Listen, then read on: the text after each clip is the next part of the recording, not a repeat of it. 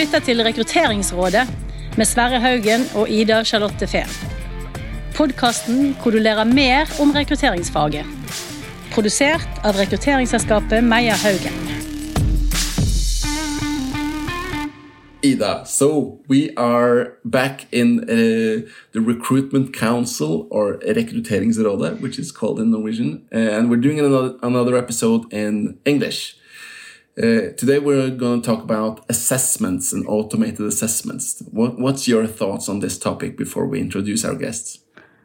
Oh, I think it's a really important uh, thing to talk about because I think there's a lot of different tools out there, and I think it's important that we find some good tools that are reliable and valid to use in the, the different processes. Yeah. So I'm really curious about to hear and learn more about it. Yes, so am I. And one of the things that one of the things that I think is interesting about this field is the fact that you have uh, a huge portion of what's been done earlier, at least, has been based on the hard criteria, which are easy to actually or easier to assess to to check if someone has the right background, the right skill set, etc. Like we do when we do search on LinkedIn, for example.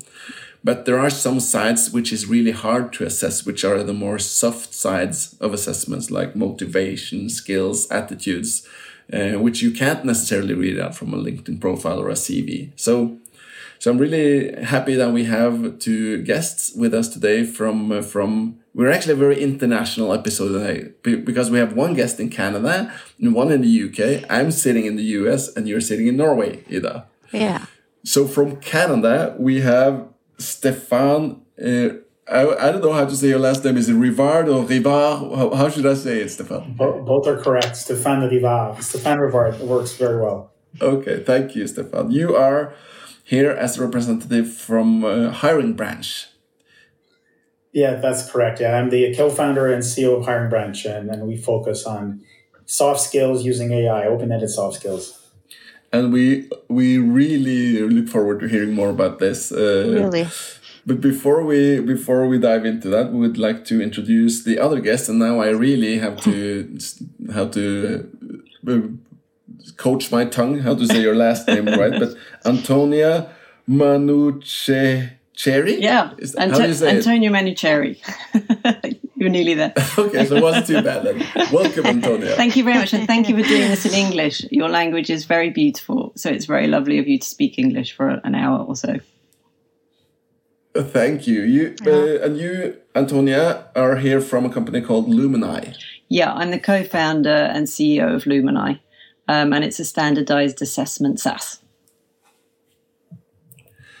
Exactly, and uh, for your info, Ida, you you might have picked up this, but I met both uh, both Antonia and uh, actually not Stephane, but his colleague on on the Unleash conference in uh, Vegas, Unleash America, and uh, I discussed this podcast with them there because we found that both these persons have really in-depth knowledge about soft skills, about how to actually measure soft skills, how to potentially test it uh, or assess it during or with technology. So ah, that's really interesting. I'm, I'm so jealous that you three uh, could be there.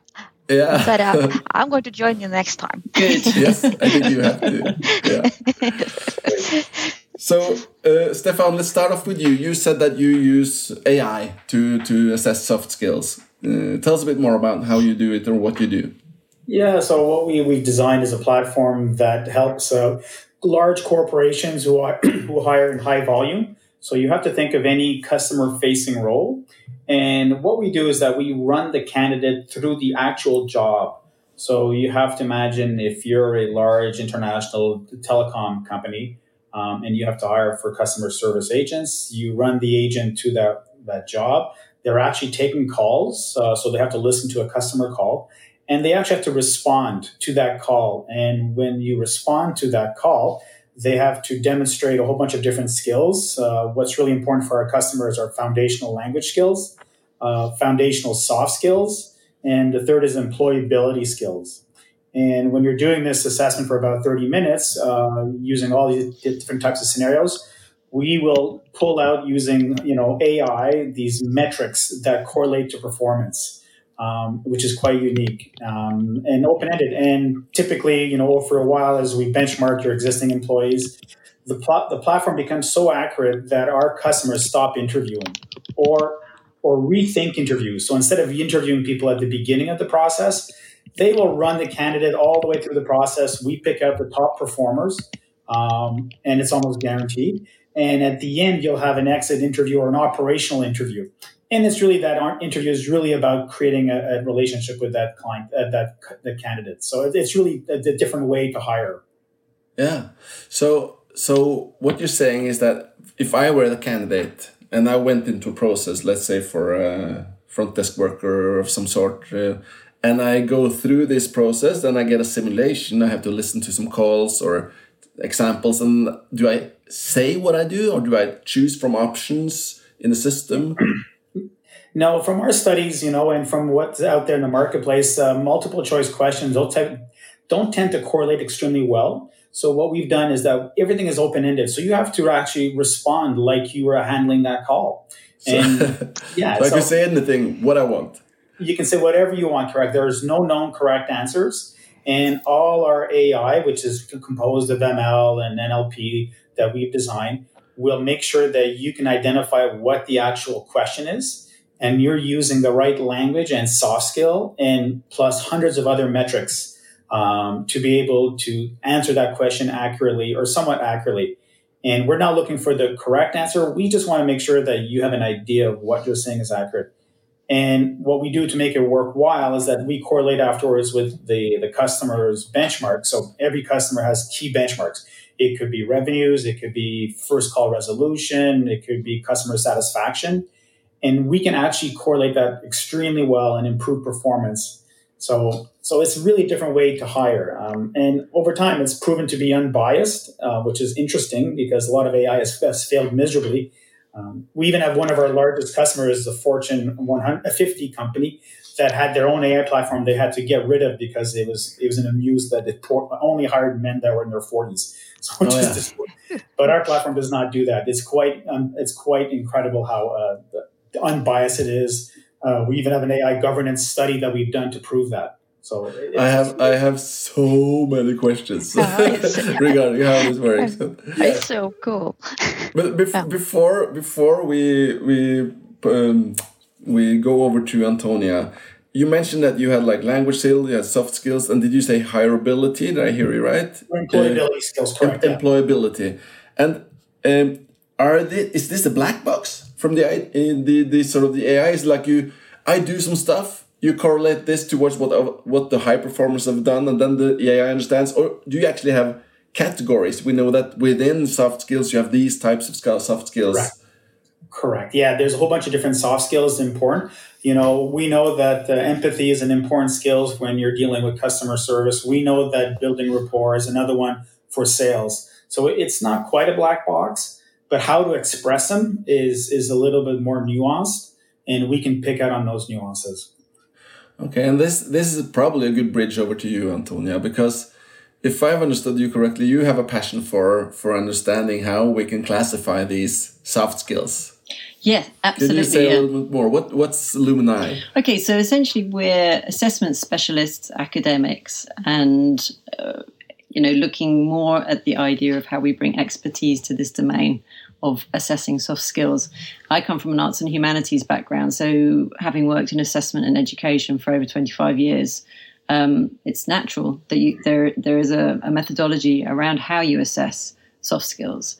Um, and what we've done is essentially we've coded that into a piece of tech SaaS and what we do is, for instance, we have an employment readiness um, questionnaire. We, we code this into a questionnaire and we take standards in employment readiness. So that could be government standards, it could be organizational standards, and we apply our soft skill um, measurements to that.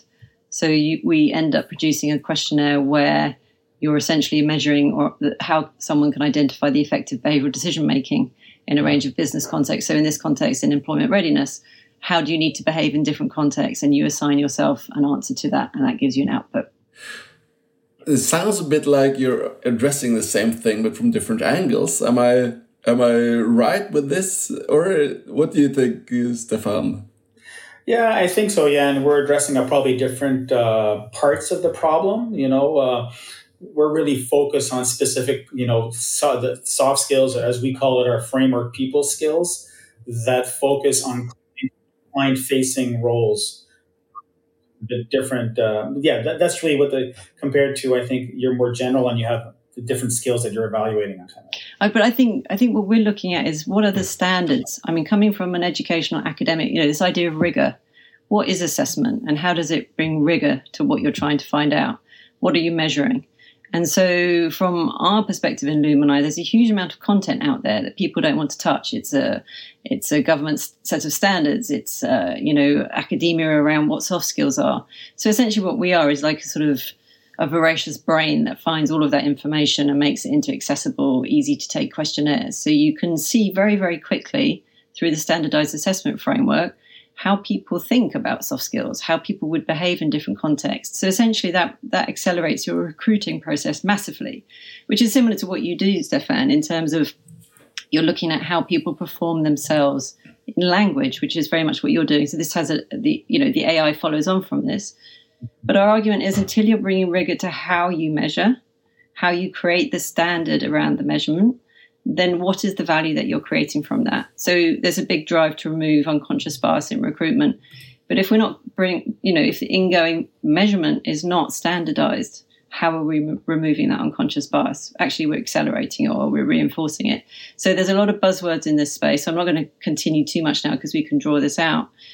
But really, what we're saying is we are assessment specialists and academics, and we know how to do this. And we want to share that knowledge with everyone. So, all of these processes that are already in existence can be augmented so people can do it better because actually the end result is better for everyone.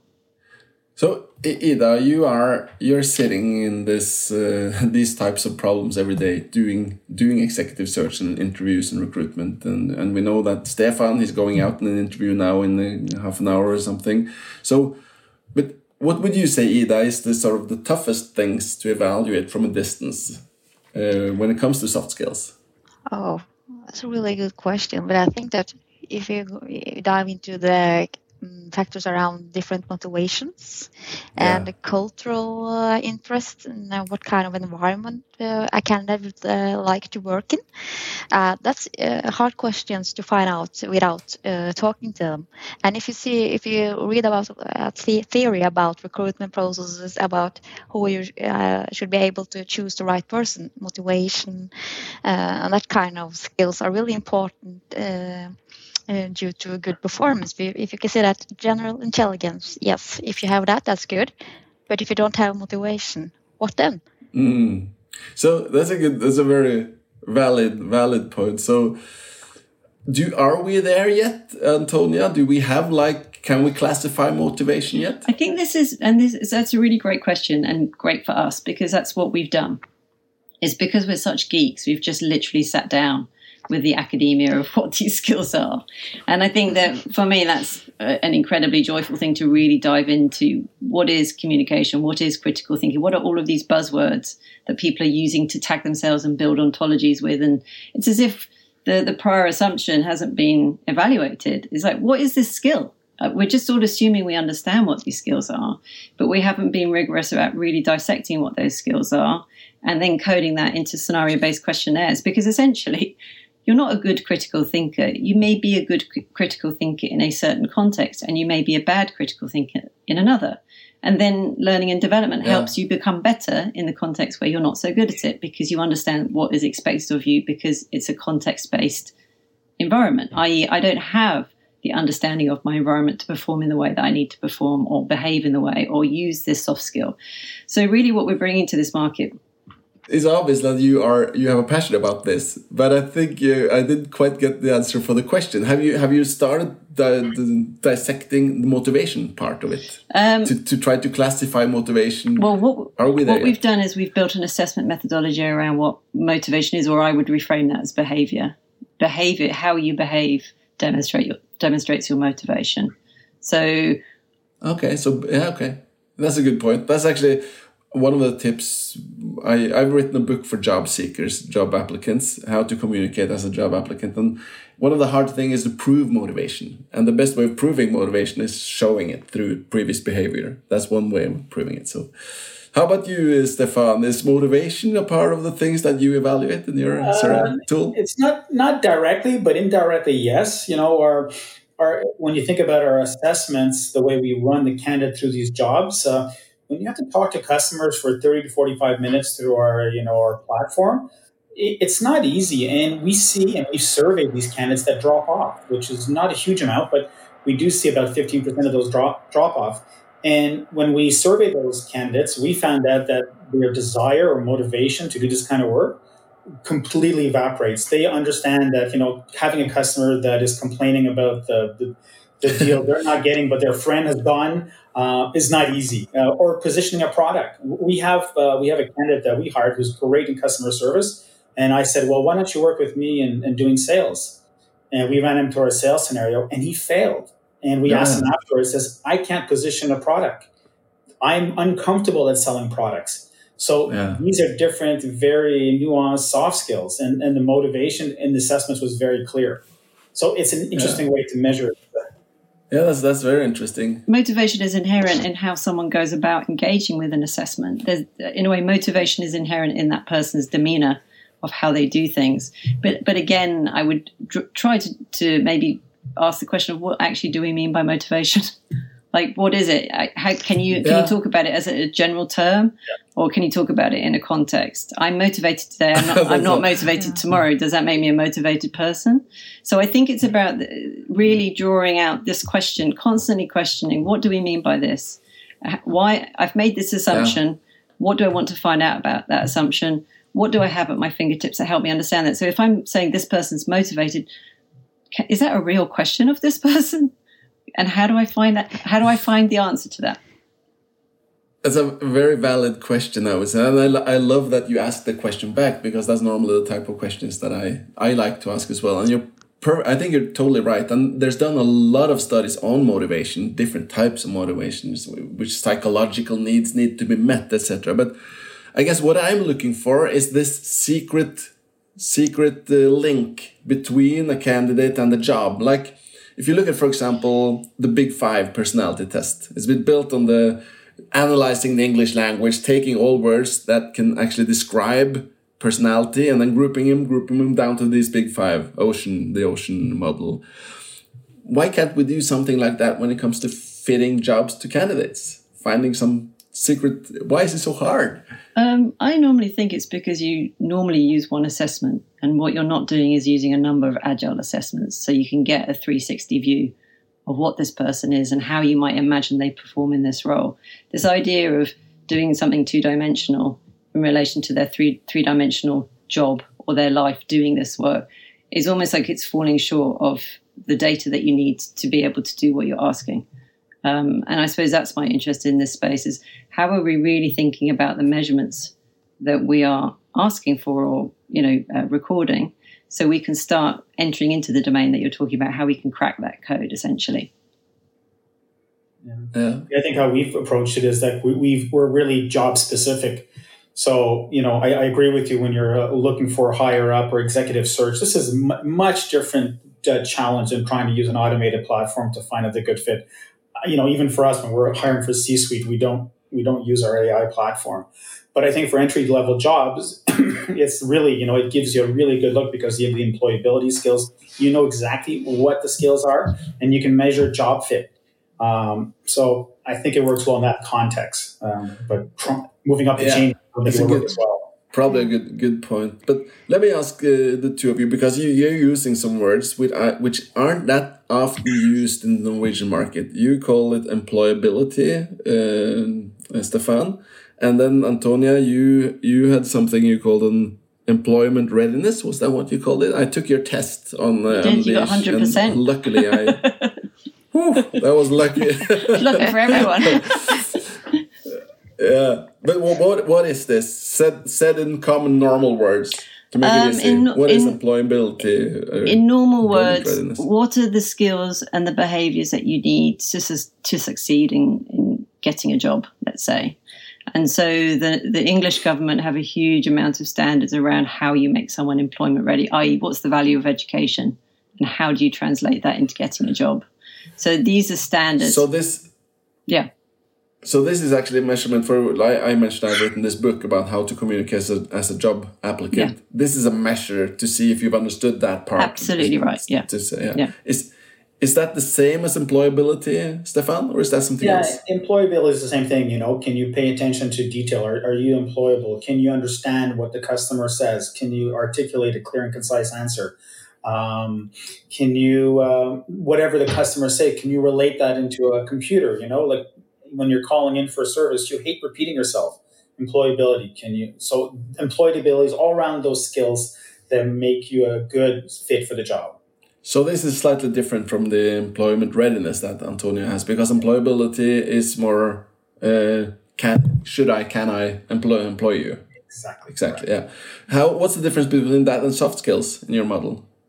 Uh, well, it's employability. They, they overlap without a doubt. Um, you know, active listening is both an employability skill, but it's also a soft skill. Um, you know, paying attention to a customer's demand, but then transcribing that then becomes into a, a you know an employability skill. So there's a, not a lot of overlap, and I think what makes our platform unique is that we all this this is evaluated in one one platform.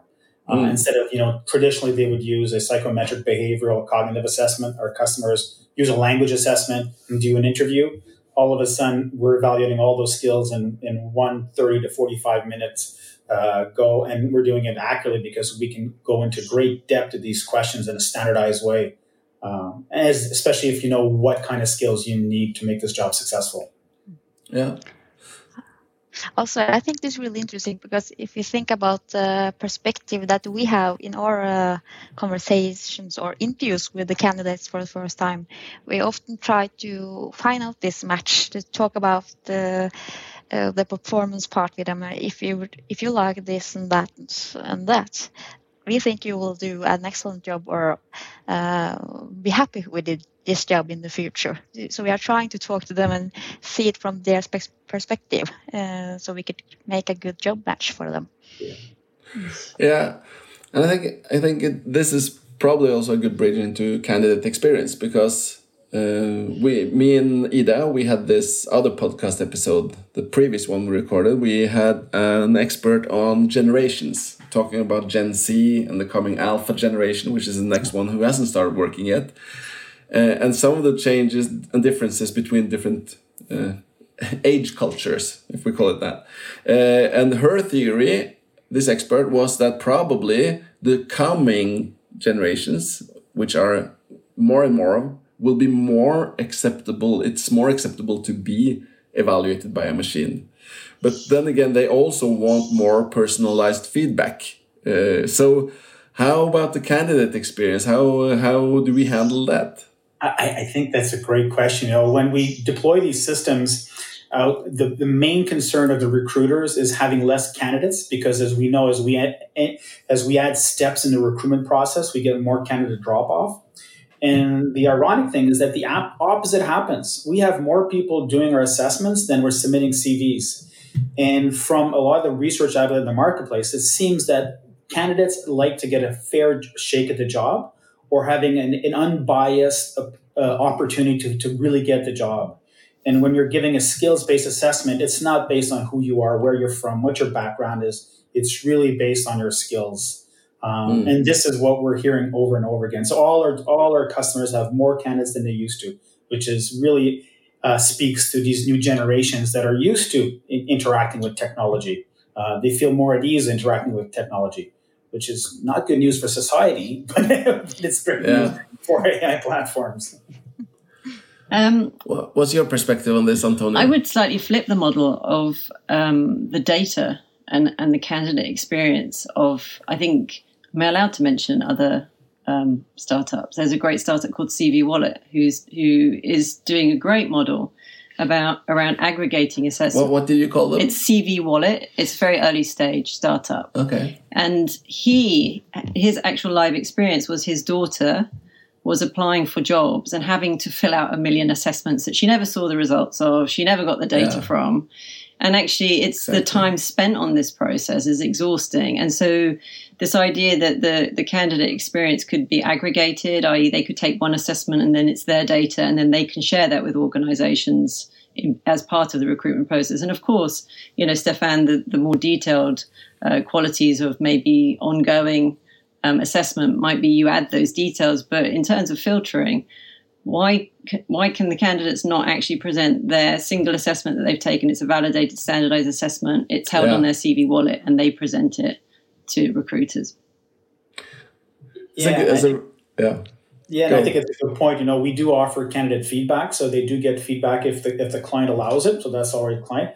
But uh, we do have projects to have this kind of credentials that they can share around. You know, I'm a, I'm certified soft skills like they have in languages. You know, you have the CFR rating in languages you know, there's we're working on something the equivalent in a soft skills framework that you can have your framework. Real, I'm a great listener and I can prove to be fluent in speaking with customers. Uh, demonstrate uh, part of our framework. So, but but mm. what's interesting about that is that we take uh, qualifications in hard skills or you know your PhD it, we can put that on our CV because it's a standardized measurement. Everyone knows what that is. So once we create the standardized measurement around soft skills, people skills, behavioral skills, whatever we're calling them, then these things can come into your CVs too because it becomes a validated aspect of what you're doing. So the candidate experiences, can you can you hurry up, please?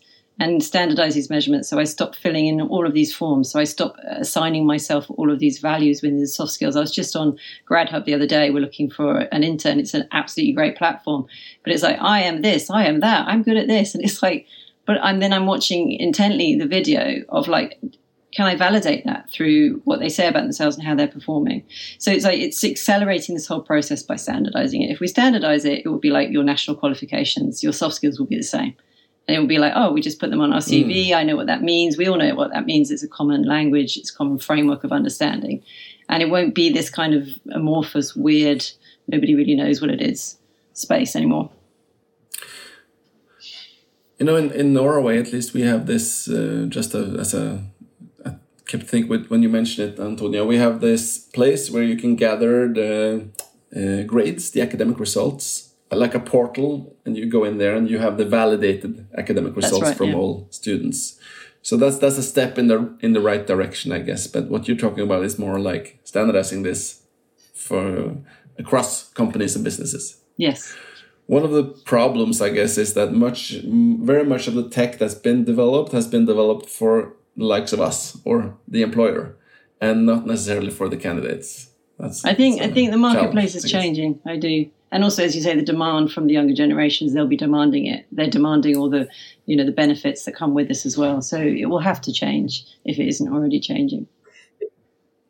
Yeah uh, we're seeing that we work with, with customers in india and the philippines and all over southeast asia and where the the near hires far outnumber the hires in terms of skill qualifications and we are you know we're helping them we have a training platform to address those those skill gaps and I think that's a really important part of the puzzle. You know, the doesn't mean you're not hired that you can't get a job in three to six months. And, and these companies we work with are very highly desirable to work with. So these employees or candidates are extremely motivated to improve their skills and upskill. Um, very, very much so in Asia. Like we were seeing that in North America, we're just starting to, uh, but at the moment, that's where it was happening. Mm.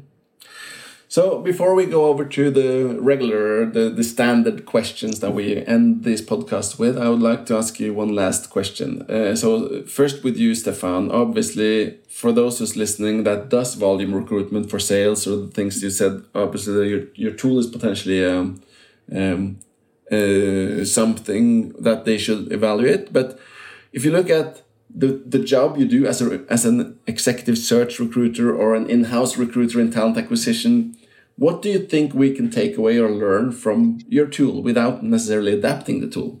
Oh my God. So uh, Kevin Wheeler probably said it best, you know, uh, what we have learned that people who qualify for jobs based on their education or experience alone are not necessarily good performers. So okay. sometimes an impartial tool that evaluates those skills uh, will probably do a better job.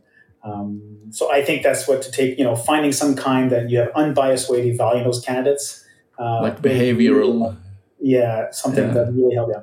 Whereas, um, you know, there are lots of th- lots of people out there that that evaluate. I think assessments are a better gauge of the candidate's potential than uh, an actual interview. Um, he goes on to say that interviews are maybe now obsolete. So, Yeah, some people say. Some people say. Yeah.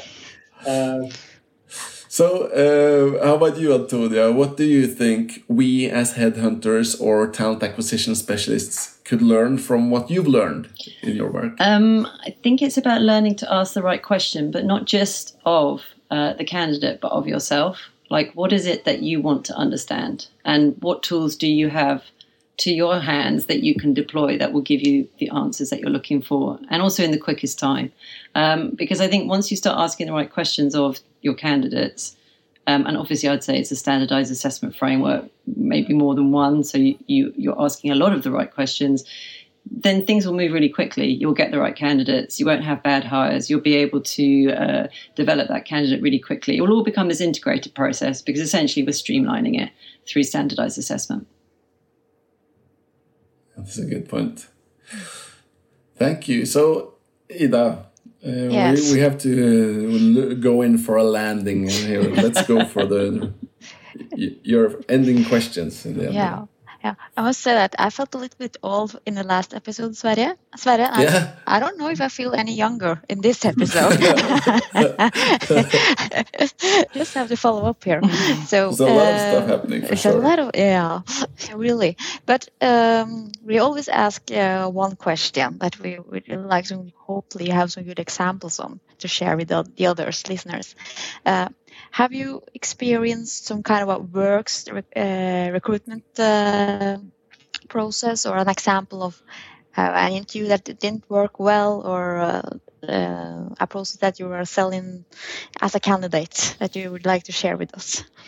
So the worst recruitment experience, Worst recruitment experience. either as a candidate or as an employer, or what uh, that you've seen or heard. I, I, Well, you know, I think I'm probably um, I'm probably in a unique position. I have never been interviewed for a job. I've never applied for a job, and uh, and I was telling my son that uh, a little while ago because I was on I did a keynote speech at the Talent Acquisition Week. He says, "Well, of course, Papa, because you you wanted to be a business person." And I said, "Well, that's not true, son, because I was probably too shy and too timid to do an interview." and and and I just didn't think anybody would see any value in me. And I and I spoke to someone and I told this at this conference, and someone came up to me. He says, "You know why?" And I said, "No." And Marilyn went on to tell me, "Well, because an employment interview is an unnatural act committed by two semi-consenting adults." and it's a very awkward position where one human has to evaluate another position. So I think rethinking it uh, is really probably a good point. So that that's my interview st- story. oh, I, yeah. I think mine's loosely similar. Go ahead, sorry. Um, Yeah, no, I, I just want to com, com, wanted to comment that the we agree. Uh, so we've actually renamed all our interviews to conversations because we want to sort of switch the mindset uh, by using another taxonomy. So Antonia, what's your worst? I don't think it's a worst. I think it's this sort of key takeaway around this idea of being yourself and running a startup. I think the thing I love about it the most is you are you can be fully yourself and you engage with other people being fully themselves. And I think that's what I love about the world of recruitment. How can we allow people to to be happy in their work and be themselves? But we were talking to this advisor, and he said to me, Antonia, he said, "You do know that you've now made yourself unemployable by running the startup." And I looked at him and I said, "Well, I think I was already unemployable. That's why I'm running the startup. Is that this this spirit of asking questions repeatedly?" And so I suppose my takeaway is it's that thing of everyone has a place. You know, there is a job for everyone, whether you're in a startup, whether you want to work in an office, however it goes. And and I think it's about bringing excitement into that space. So, are you making uh, the interview a place where, as you say, it's a conversational place where you can shine? That's a good, uh, good to remember. I actually had one, one meeting today with a candidate who said uh, to our customer, "Oh, I had such a good time today. I hope you choose me." and the customer, "Oh, that was the, yeah," and the customer just, "Yes, I like that." Uh, yeah, so it was a good meeting. I like that meeting. I, I had a similar experience where at the end, says- I asked this person, says, um, do you have any questions for me? And she goes, yes, I do. So she asked me, so what are you most proud of as CEO that you've done in the last six months? And um, anyway, we hired her. She, she was so well prepared. Yeah. Oh, but then that's interesting. She's a great hire. So for me, in a way, the question is, it's always those experiences where you think when you do things in interviews or someone does things in interviews that they don't think they should do that makes them stand out, which is almost that they perform their real selves to you. And that that's the thing that makes you want to hire them. That's really fascinating for me, actually. yeah. Yeah, really. And we also have one last uh, question, though. S- Um, we always ask uh, if you have any um, ideas of a new subject or topic that we should talk about in this podcast. yeah, how generative AI can, private generative AI can uh, really augment the, the candidate experience and the interview process. Um, Could you explain? had- Could you explain what do you mean by augment? Because I'm not Yeah. that good in English. Uh, Yeah, I think as where time goes on, you know, people were concerned about generative AI replacing employees, uh, and, and and I think that the reality is that it has more as the potential of improving employee performance or really becoming a great co-pilot. And and what we're seeing uh, in our field is that we're we're toying with some ideas of using generative AI and really being able to, you know, actively construct uh, assessments based on a candidate's profile for that role. So it's really you know being built as as as we as we speak uh, point of view. So it's really at the early stages of this, but creating assessments that are personalized based on jobs. So personalized assessments. Yeah, personalized assessments. That's Some human interesting. touch. That's a new. That's a new. Yeah, That's a new term for me. That's good. Yeah. I like that.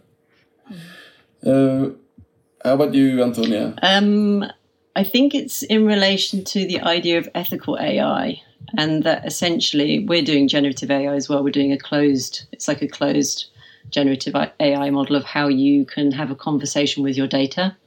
Um, but essentially, the ethics around AI and how standardized assessment creates the ethical data. That would be super interesting to me. That's a good topic as well. Yeah, it's really Maybe we'll have to do it in English then to to accommodate the good uh, tips for you guys.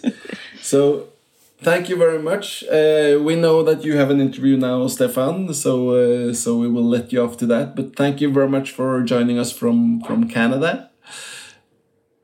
thank you very much. It was great to be here and meet all of you and discuss uh, you know where AI is going to take us in the hiring process. Yeah, it's, it's probably a conversation we could have had a much longer conversation on this. Yeah.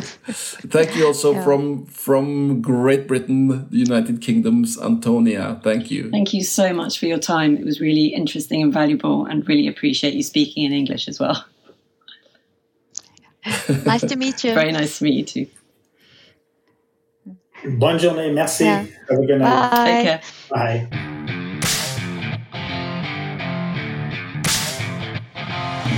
Du har lyttet til Rekrutteringsrådet av Meyer Haugen. Vi produserer også Topplederpodkasten og Stillingspodkaster. Har du forslag til gjester eller tema vi bør snakke om, gå inn på vår Facebook-side Meyer Haugen.